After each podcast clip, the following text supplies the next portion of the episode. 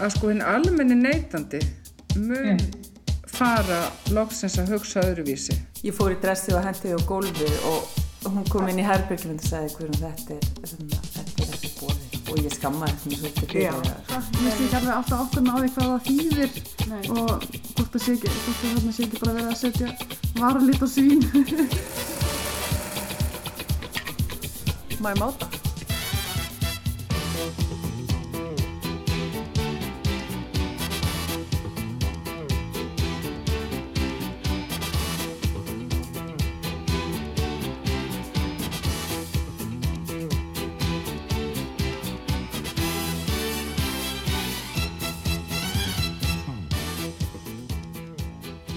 Er ljóst að fatakaup jarðarbúa hafa vaksið í veldisvexti síðustu 20 ár.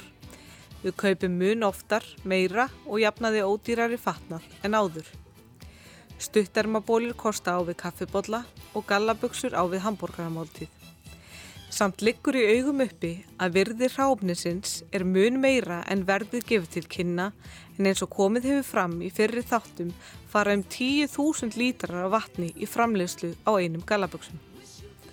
Samhliða þessari þróun losar hver Íslendingur sig við að meðaltali 16 kíló á ári af textíl sem ratar annarkvort í endurvinnslu eða það sem verra er beint í landfyllingu. Já, hvar endar þetta? Við erum nú þegar farin að ganga nærri jörðinni með gengdarlausri neyslu við urðum og losum eins og enginn sé morgundaguri. Eitt er víst að við vitum að auðlindirnar eru ekki óþrjóðandi. Því hafa bæði neytendur og fyrirtæki gripið til ímissa ráða. Sum okkar kaupa aðeins nótu fött eða rína vel í merkingar um sjálfbæran og náttúrulegan fatnað á meðan aðrir einbytta sér að láta flíkina endast sem lengst, gera við hana og fara vel með. Stórfyrirtækin segjast einni meðvitu um þessa þróun hvort sem þau beita því aðeins sem markastólum til að selja okkur innan gæsalappa grætni flíkur eða viðkenna þá straðurind að til þess að komast af í þessum heimi þurfi að nýta teknina til að búa til visslætni fatna.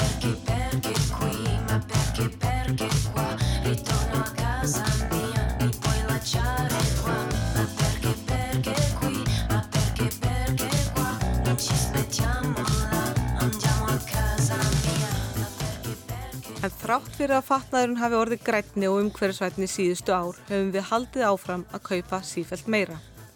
Þar til nú. Þegar hefur heimurinn á sveipstundu kyrst. Ný född verðast hjómeitt í samanbyrði við hilsuna.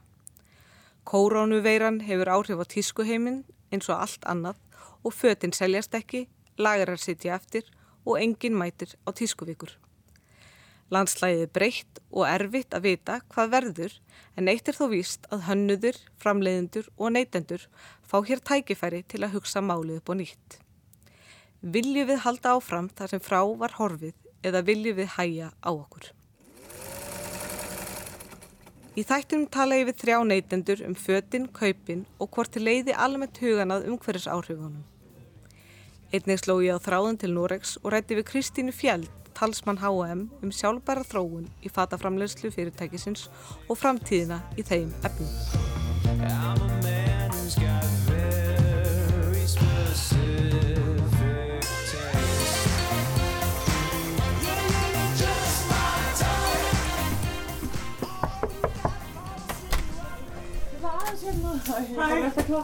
Hérna, uh, Ertu sjúk í tískufut? innan, innan eðlera marka held ég Já. en eins og allir aðrir þá finnst mér gaman að vera í fínu fötum sko. En þú veist, eins og þegar þú kaupir þér föt, hvað finnst þér, þú veist, af hverju ákveður að kaupa þessa flík? Er það því þú þarft hana eða þú, þið langar í hana? Hvað, hvað er sem ræður því svona? ég fer rosalega sjaldan út í búð til þess að kaupa eitthvað sem mér vantar Já. ég í grunninn náttúrulega vantar mig aldrei neitt frekar en nokkra manneski í Reykjavík Já, já. hefur, hefur, hefur skort nokkuð í, í ára tugi Já. en ég fer út í búð þegar að mig langar í einhvers konar glaðning þegar Já. mig langar að líka upp á sjálfa mig það stendur eitthvað til eða mér langar að, já, ég raun að vera bara að fylla eitthvað tómarum stundum þannig ég myndi segja í, svona, í langflestum tilvægum þegar ég kaupi mér einhverja flík sem er ekki bara sokka, sokkapar eða nærbuksu sem eru þetta, Já, kannski já. einmitt þetta, þetta nöðsýna dæmi þá er það bara af því að ég er í þannig stuði þann dag þú veist, það, það myndi segja sér oftast að ég einhvern veginn, mér langar bara að nýta kaupmátti minn Já, í eitthvað já. og mjög oft fer ég bara með þann ásetning. Og sem betur fer þá, þá lendi ég mjög oft í því að finna ekkert sem ég langar í Já. en þannig ég er kannski minni í því að vera ég er ekki mikill svona impulskaupari Nei, nei.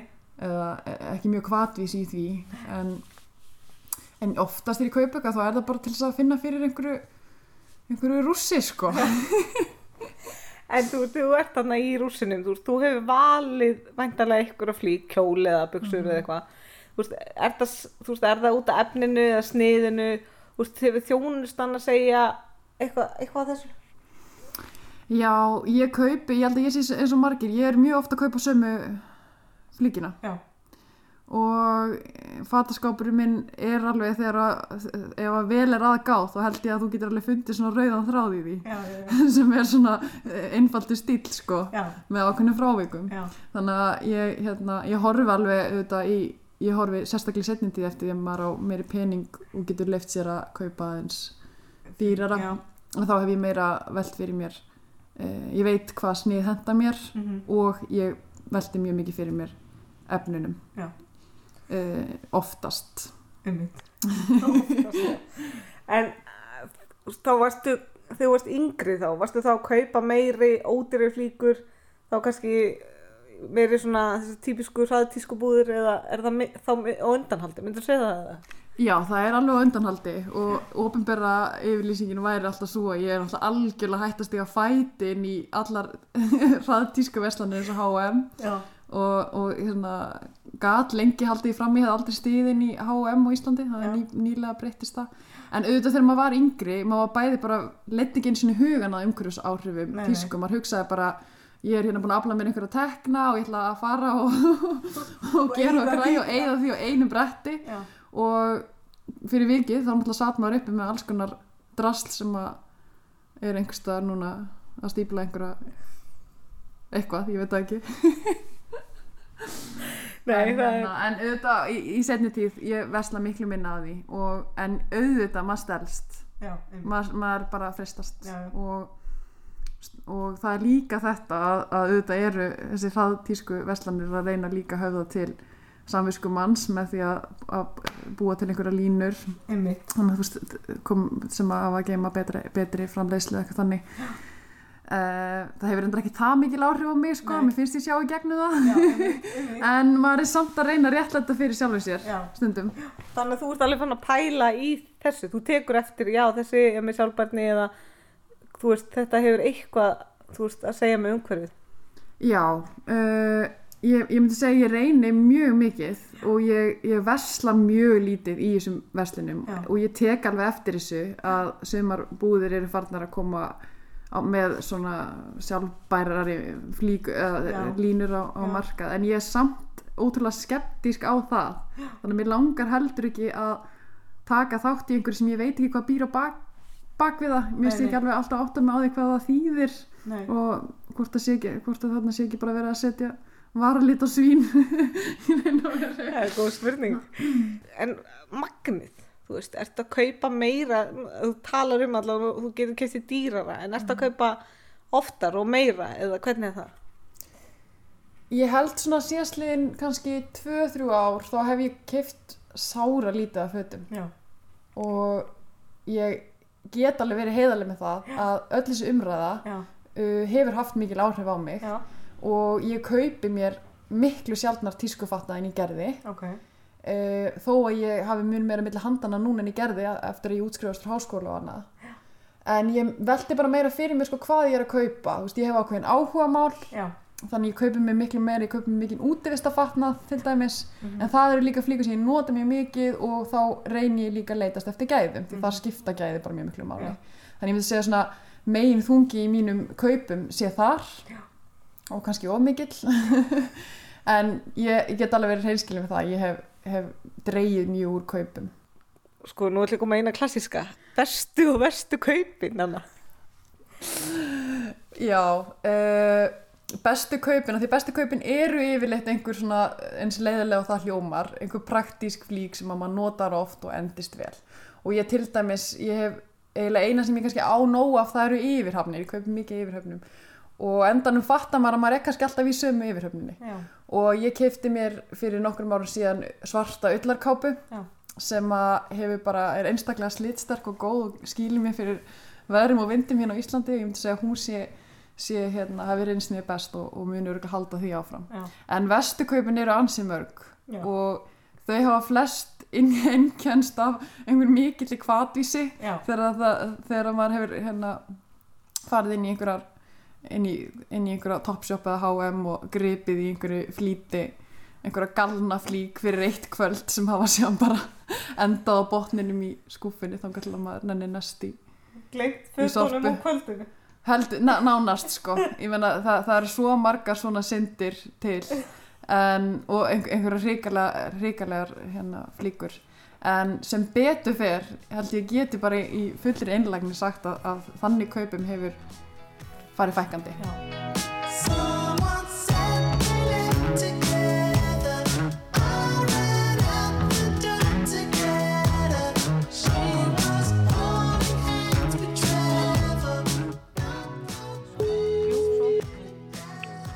Kristen. Hi Kristen, how are you? It's Thora. Hi. Hi. I'm good. How are you?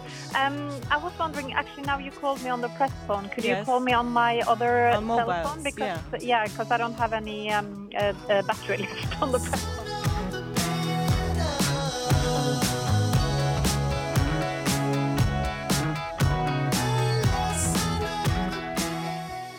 Ég byrja á því að spyrja Kristínu um hver stefna H&M væri sjálfbæri hönnun og. Well, um, our vision is to kind of lead the change towards a circular and climate positive fashion. Uh, at the same time that we are a fair and equal company, and in order to uh, get there, we have a strategy that is built on three key pillars, so to say.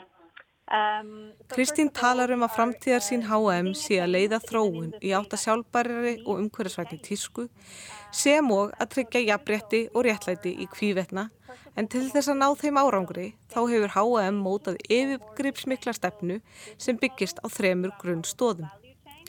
Í fyrsta lagi vil ég H&M hafa forgöngu um breytingar á fataðinaðnum, yðnaði sem þarf vissulega að breytast.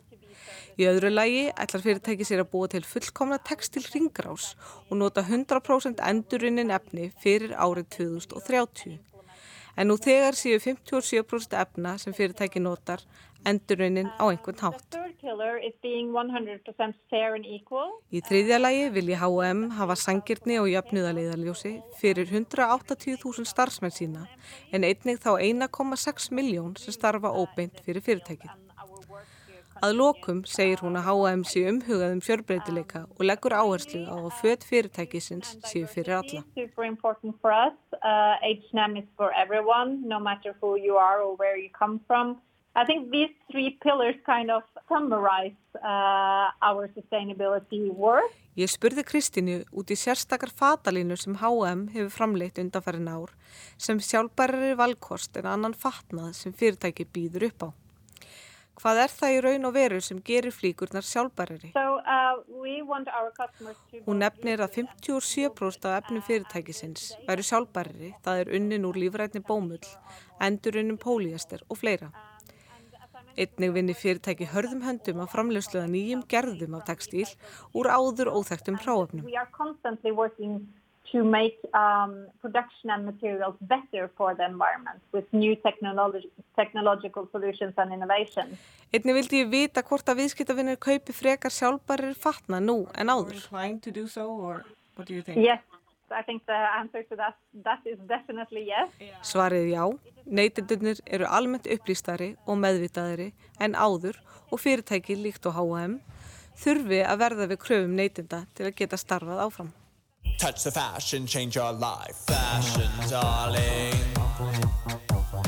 Fashion, darling. It's just fashion, darling.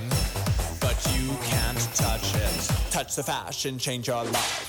En í heimi þar sem kórónaveiran hefur sett allt úr skorðum, hyggst H&M breyta viðskiptamódeli sínu enn frekar? we have now the virus, we have the climate crisis in general now, and I think all of these situations and events kind of, you know, affects us, and and also. Uh, Auðvitað hefur farsóttin sem og loksflagst váin haft áhrif á okkur öll. Líkt og hún nefndi áður, þá er viðskiptavinnir orðnir meðvitaðri og ætlast til þess að fyrirtækin axli ábyrð. Kristín fullirðir aftur að H&M hyggi starfa í fullkominni ringrás fyrir árið 2030 og verða enn fremur loftslagsvænt fyrirtæki árið 2040. as well. Þá bjóði H&M upp á nýja þjónustu, svo sem fata viðgerðir, fata leigu og sölu á notuðum fatnaði á afmörkuðum svæðum. Þannig leggur hún áherslu á að fyrirtæki breytist með tíðarandanum og til þess að lifa af verði H&M að huga að auðlindum en það er sér stórt og mikið verkefni.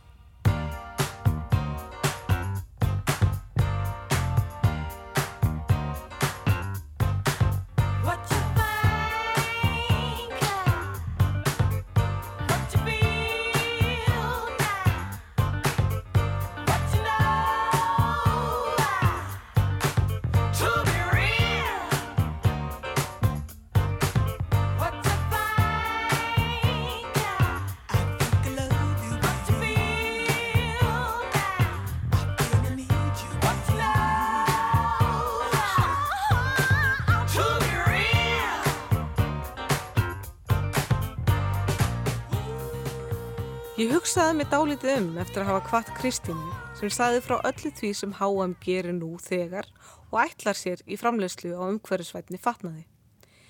Er hér á ferðinu útsmóin grænþvóttu stórfyrirtækis, bara eldröður varaleitur sem settur á svín?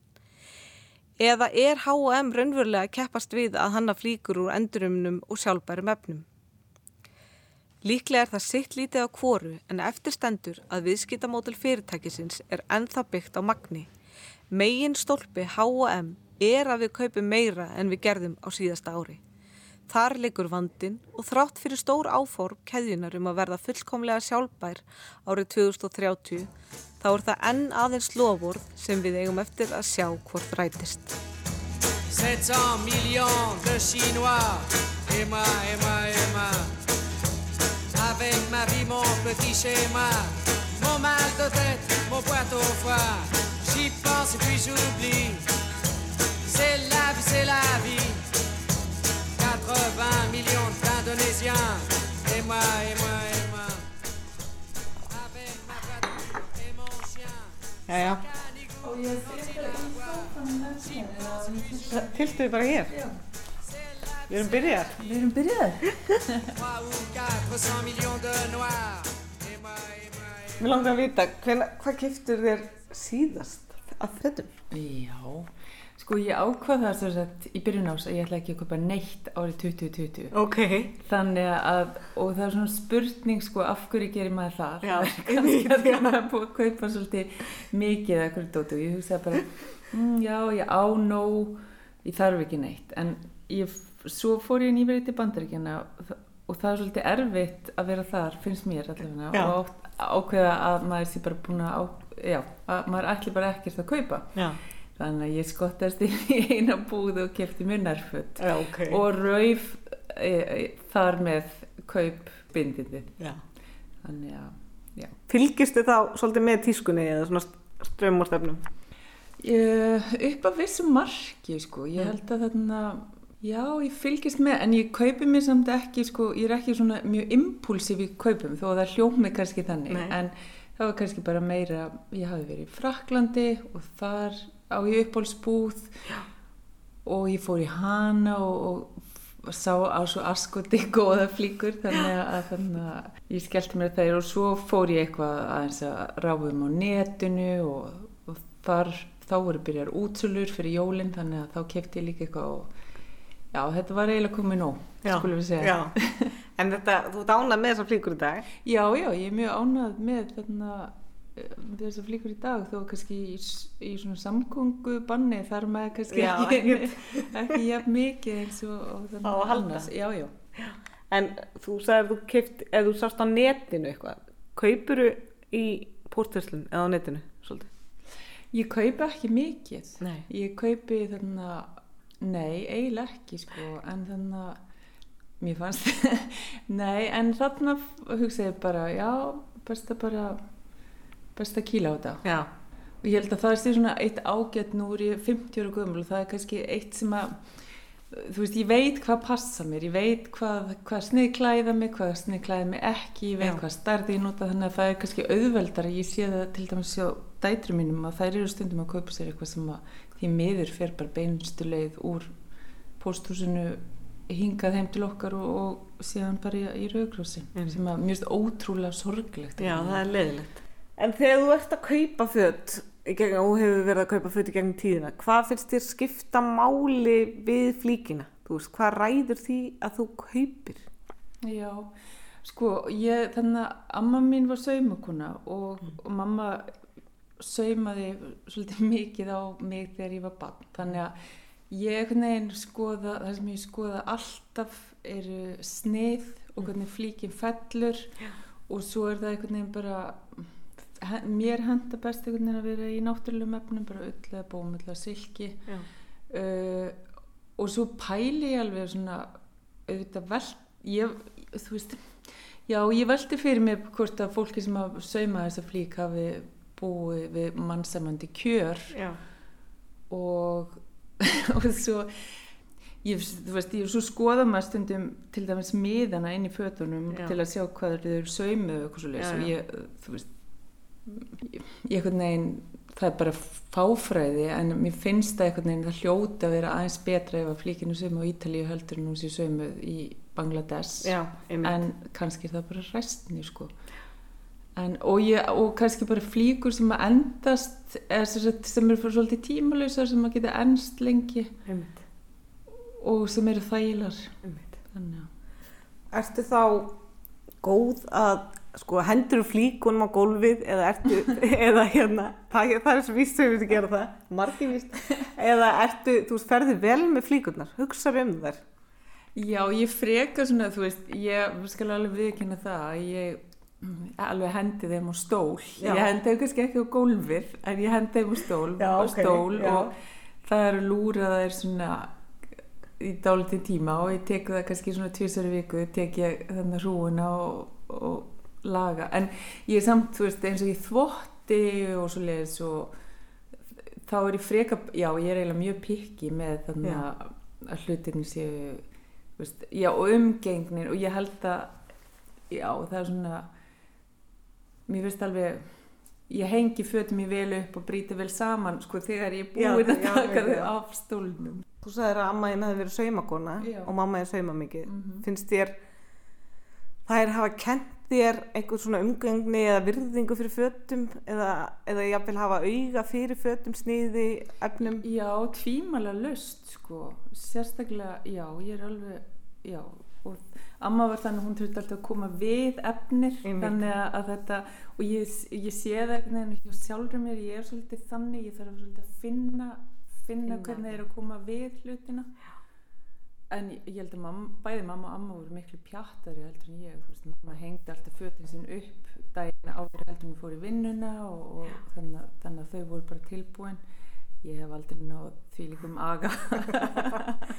En já, það er alveg virðing fyrir flíkinni sem að hefur, já, já, já, ég myndi segja það sko. Ég man einmitt einhvern tíman hafði mamma sauma á mig e- eitthvað 80s dress sem hún var búin að vera í ómæltan tíma að vinna við og ég fór í dressi og hendi á gólfið og þannig að hún kom inn í herbergjum og sagði hverjum þetta er þetta er ekki bóði og ég skammaðist mér svolítið fyrir Já. það sko bestu og verstu kaup?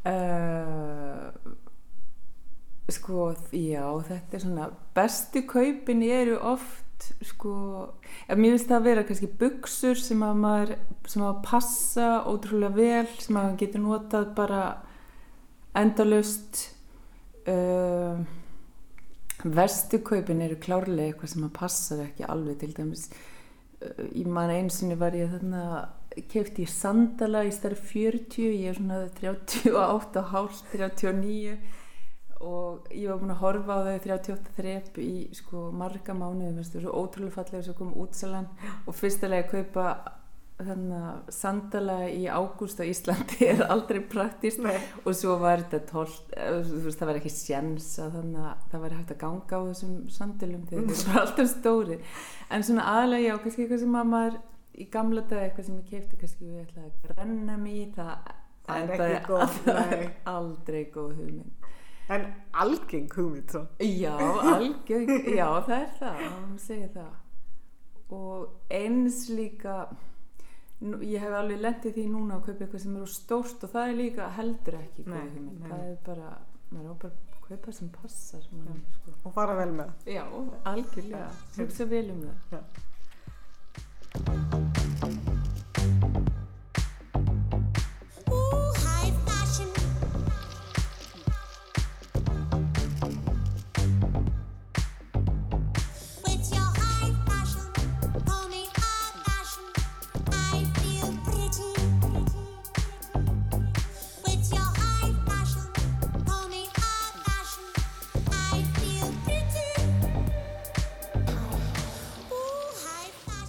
Við erum stödd í miðju samkomibanni, ástandi sem ekkert okkar hefði órað fyrir og á svipstundu situr fólk heima og hefur lítinn áhuga á nýjum fatnaði. Fatnaði sem erfitt er að nálgast og engin tilgangur fyrir því að kaupa þar sem við sjáumst í mestalagi á Zoom-forritinu þessa dagana. Þannig getur heimurinn gjör breyst, tíðarandin og smekkurinn. Engin veit hvað framtíðin byrju skauti sér. Og þó, Til er ákveðin starfstjætt sem sérhæfir sig einmitt í því að reyna spá fyrir um breytingar á stefnum og strömmum. Á enskri tungu kallast þau trend forecasters, stefnusbámenn á íslensku, eða þeir sem móta vissa framtíðar sín fyrir tísku og hönnunargeran. Ég rætti við Rögnu Fróðadóttur í New York um framtíð tísku og umhverfis en hún vinnur fyrir fyrirtæki Lee Edelkurt sem er eitt virtasti stefnusbámaður okkar tíma.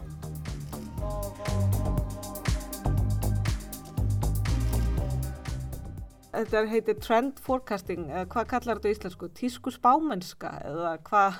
Ég kalli þetta nú bara trend forecasting á íslensku. Veist, það er svona sem að stilst best, en þetta er náttúrulega eins konar framtíðasín, uh, já, eins konar spámennska og þetta er ákveðin svona, já, þetta er svona ákveðin sín sem að maður getur búið til þessa sín með því að skoða það sem er að gerast í umhverfinu. Núna eða er búið að vera að gerast og svona tengja saman punktana og búa til þessa sín og það er það sem að þeir sem eru í þessum brans að gera.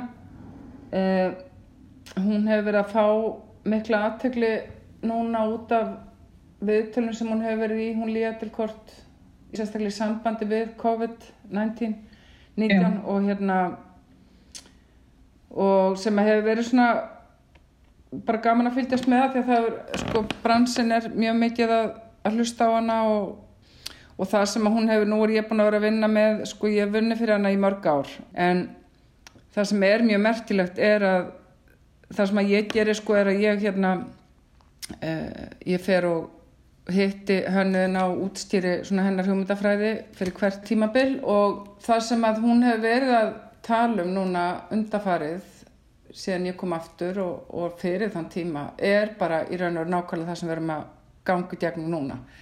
Og með þess að heitir sko nýjasta uh, nýjasta hugmyndafræðin hennar gengur út á stillness.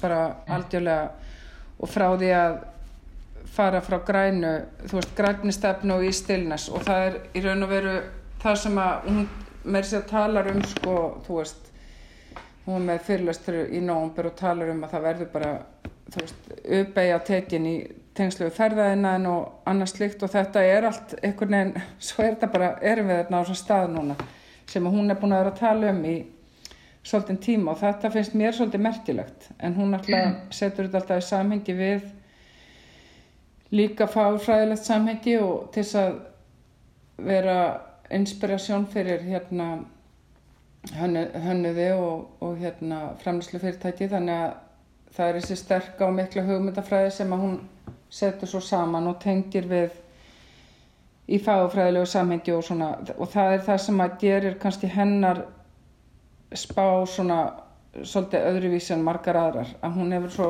sterk þarna er hennar svona þetta samspil hennar er mjög sterkt og hún kann þetta mjög vel Einmitt. Þannig í raun og veru, þú veist, hennar spá hefur einhvern veginn þróast hratt í þessa átt með veirunni, eða þú veist. Algjörlega, þú veist og það er alveg, og já, svona hennar sín er bara einhvern veginn alveg, þetta er svona svolítið það sem hún er búin að vera að tala mikið um og það sem að hún, og oft er þetta nú þannig með marga sem eru á þessum, í þessum geira að þau eru kannski að tala um svipað hluti, þú veist, það eru allir að stinja svipað og hún hefur talað um margt í gegnum tíðina sem að er, svo, svo er það bara einhvern, verður það að veruleika. Eh, Og ég sá viðtal við hana einmitt út á COVID, þá var hann að tala um eitthvað Age of Amateurism eða tímabil leikmannsins eða eitthvað slíkt. Já, áhuga mannsins kannski. Áhuga mannsins, já, frekar. Já, og það er annað sem er líka bara mjög svona áhugavert uh, áhugaverð hugmynd og hérna og það hefur væti mikla aðtekli og ég fengi mikil viðbröð til mín frá okkar semst viðstýttamönnum og viðstýttafólki og hérna og þeir sem við erum í sambandi við það, það grípa allir þetta, hvað hún við þegar hún er að tala um Age of the Amateur. Og það fekk mér nú bara til að hugsa um sko, ég var að vinna í myndlistskóla Reykjavíkur í áðurinn ég kom hingað í þrjú ár og, og þar til dæmis hefur námstíða haldi keramik eitthvað í textil og eitthvað svona hefur bara aukist alveg rosalega mikið þú veist og allir vilja fara að læra að vinna með höndunum og öll námstíð sprengt. Og þetta er svolítið þetta þú veist þessi löngun okkar til að læra ákvæmna tækni til að bara geta skapa sjálfur sko. Og þetta er eitthvað sem að hún er að tala um að sé bara að, að aukast og að okkar svona þetta að læra tækni að þess að ætla að vera fagmaður læra tækni út af því að þú hefur bara þið langar bara til að geta skapa þið langar til að geta búið til sjálfur og þetta verður ákveðin sjálfbarni líka náttúrulega sem að kemur í kjölfarið. Einmitt, þú saumar eða bætir flíkur sjálfur til dæmis eða... Já, svona, það er náttúrulega eitt bara í raun að vera svona ykkur, það er svona ein hérna, ef maður getur sagt svona stefna sem að hefur, eða svona trend sem að hefur náttúrulega verið að aukast þetta að sko, þú veist, að, að bera virðing fyrir fötunum sínum og þá frekar gera við þau heldur en að henda þeim. Og það er náttúrulega svona alveg heill annar kapli, en það er þú veist, þetta sem að tengist beint bara sjálfbarni í, í tískuðinanum þú veist, hvernig við veljum um, það sem við verslum og svona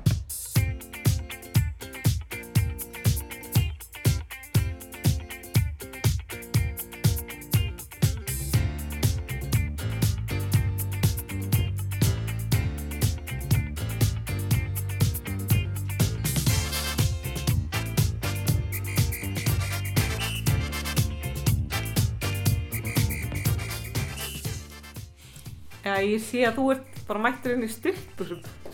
Já, eins og ástandið er núna þá, þá borgar sig ekkert að fara í síðbuxur á mótnana. Maður er alltaf heima hvort sem er. Já, í þessu COVID ástandi. Já, Þessu, þessu. Þetta eru smekla styrkbuxur, ljósbláar og fínar. já, þetta er bara póló í gegn. Það- Er þetta Polo, Ralph Lauren Polo? Já, heldur betur. Er þetta góð kaup? Já, já, þetta er, þetta er, fekk ég hérna í herragarðinum á sínum tíma. Já, mjög gott. Talandi um það, kaupuru mikið af fötum? Já, ég gera það svona kannski þrísvar, þrísvar ári, þá, þá fer ég í stór innkaup. Það er oftast á snemma á sumrin, í lóksumars og kannski rétt fyrir jól. Þannig að þú svona kaupir í, já, bara mikið en fá, fá skipta ári. Já, það er svona best upp á að forðast það að horfast í augu við kostnaðin. Um, finnst þér gaman eða færðu þú veist kikk út úr því að kaupa föt? Ég hef enga, eða ég fæ réttar sagt enga ánægju út úr því að versla. Nei. Mér finnst hundlegilegt að versla, en mér finnst gaman að klæðast flottum fötum. Já. Þannig að þar kannski er helst ánægjan. Um, þegar þú ert að kaupa föt, hvað ræður því? Þú veist að þú ákveður að kaupa þessa peysu eða einmitt þessa stuttbuxur. Er það efnið eða sniðið eða hvað? Það fyrir náttúrulega eftir í hvernig skapi ég er, en það er oftast kannski liturinn og sniðið sem, sem ræður því. Og kannski hef ég þá haft einhverju hugmynd áður en ég fór í búðina eða í, eða í verslunina um hvað mér langaði svona sirka í. Og sumt grípur auga en, en annað náttúrulega ekki. Ok, þú kaupir þrýs á ári og, hérna, og þið finnst gaman allan að klæðast allir fötum Mhm. en pæluru í umhverfis áhrifum sem að hljótast að fatna eitthvað? bara ekki neitt, ekki, ekki fyrir í dag. Ég vondur maður. Já. En nú vil ég að spyrja svona einnig klassískri spurningu hérna, hver er verstu, verstu og bestu kaupin sem að þú hefur gerst í fatakaupin? Úf, það er stórt er spurt. Það hefur sennilega verið bleik stuttarma stúrsi skýrta sem ég kefti í Húrra, minni mig, á hverfiskötu fyrir, fyrir tveimur árum. Það er svona hinn fullkomni bleiki litur, ekki of skær, ekki of ljós og hún er svona fallega stíl, stílhrein. Sniðið á henni er alveg, alveg mátulegt og, og hún er svona skemmtilega lífleg. Þú ert ánægð með því í henni? Já, ég myndi segja það. Alltaf, alltaf gaman að klæðist einhverju sem er svona litríkt og, og, og spennandi. En verstu kaupin? Verstu kaupin, þau hafa verið sérsniðu jakkafötin sem ég kefti á mig uh, fyrir útskrift. Uh, ægilega falleg svona kongablá jakkaföt og ég let mæla mig og allt sérsumað á Ítali og allt fullkomið sko en Það er ekkert annað. Og þau pössuðu, þau Já. pössuðu alveg í tvo mánuði en svo náttúrulega stækka maður aðeins og, og, og eftir það þá er hálgert hálgert vesen að klæðast þeim þau eru það þröng að það er ekki hægt að setjast án þess að hafa ágjörðið ripni eða eitthvað svoleiðis það það er virkilega óþægilegt En nú áttu þessi fallu jakkaföt og greinlega vill klæðast fínum fötum en ferðu vel með fötum? Þú veist, hendur þeim á gólfið eða brýtur þeim saman? Sko ef þú eru jakkafötu eða eitthvað svoleiðis þá, þá náttúrulega fylgir ég öllum reglum og, og hengið þið fullkomlega upp og, og buksutnar alveg brotin, brot, brotnar eftir uh, brotinu og, og allt það og skýrtu líka en hvað var þar buksur og bóli og svona ég bara því miður ekkert allt og dulur að brjóta saman mér finnst auðveldar að, að kasta sér hú og svo bara strauja allt uh, bara á einu bretti Já, upp. já Þú sagðir að þannig til í dag þá hefur ekki pælt í umhverfisáðfrifum fatnaðar. Heldur að það muni breytast? Já, já, það mun alveg breyta skilur en, en þá þarf ég að hlusta á hina þættina til að upplýsa mig ég ætla að veit svo lítið Það er sannarlega. Bara gangið vel með þetta svo. Já, takk fyrir það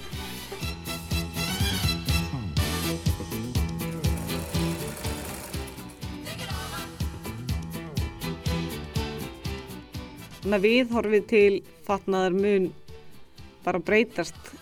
Já, viðhorf til handverks mun breytast, það hefur verið að breytast, það mun breytast og meira. Og ég er alveg á því sjálf. Og þetta með sko nær að finna leiðir á stöðum sem við erum til þess að geta framleitt og gert og í minna magni.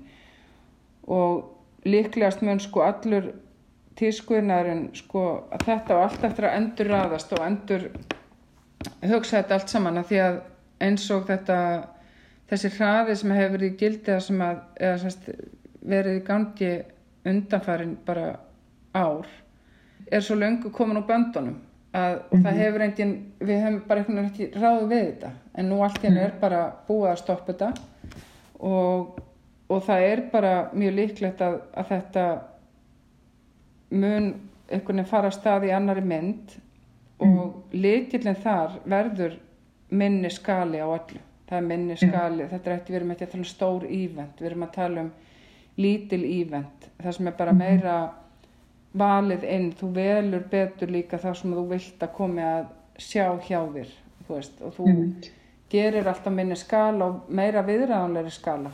En svo náttúrulega er sko um leiðir heimurinn orðin svo lítill út af internetinu að við munum halda fram að ná til fólks og í gegnum sem sagt tæknina sem er náttúrulega stórkostlega.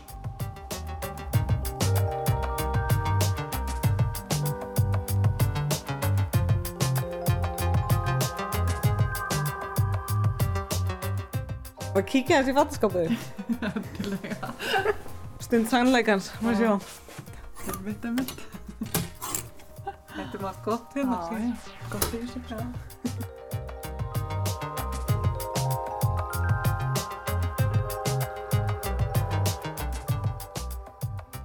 að sko hinn almenni neytandi mun fara loksins að hugsa öðruvísi hvernig hann veslar inn og það er ákveðin svona fín lín á milli því sem er svona hátjaða og látjaða sem að mun svolítið hverfa. Við förum bara að í staðin fyrir að vera bara í hátjaða eða bara látjaða við förum svolítið að velja einn hluti sem að við veljum að mikill í kostjafni. Eitthvað sem okkur langar, þú veist að við eigum þetta samband við flíkina. Og okkur langar til að haldi hana sem lengst og okkur langar til að fara vel með hana gera við hana þegar hún hérna fyrir sundur til þess að geta nota hana sem lengst. Og þetta til dæmis held ég eigi eftir að breytast fyrir ólíklegasta fólk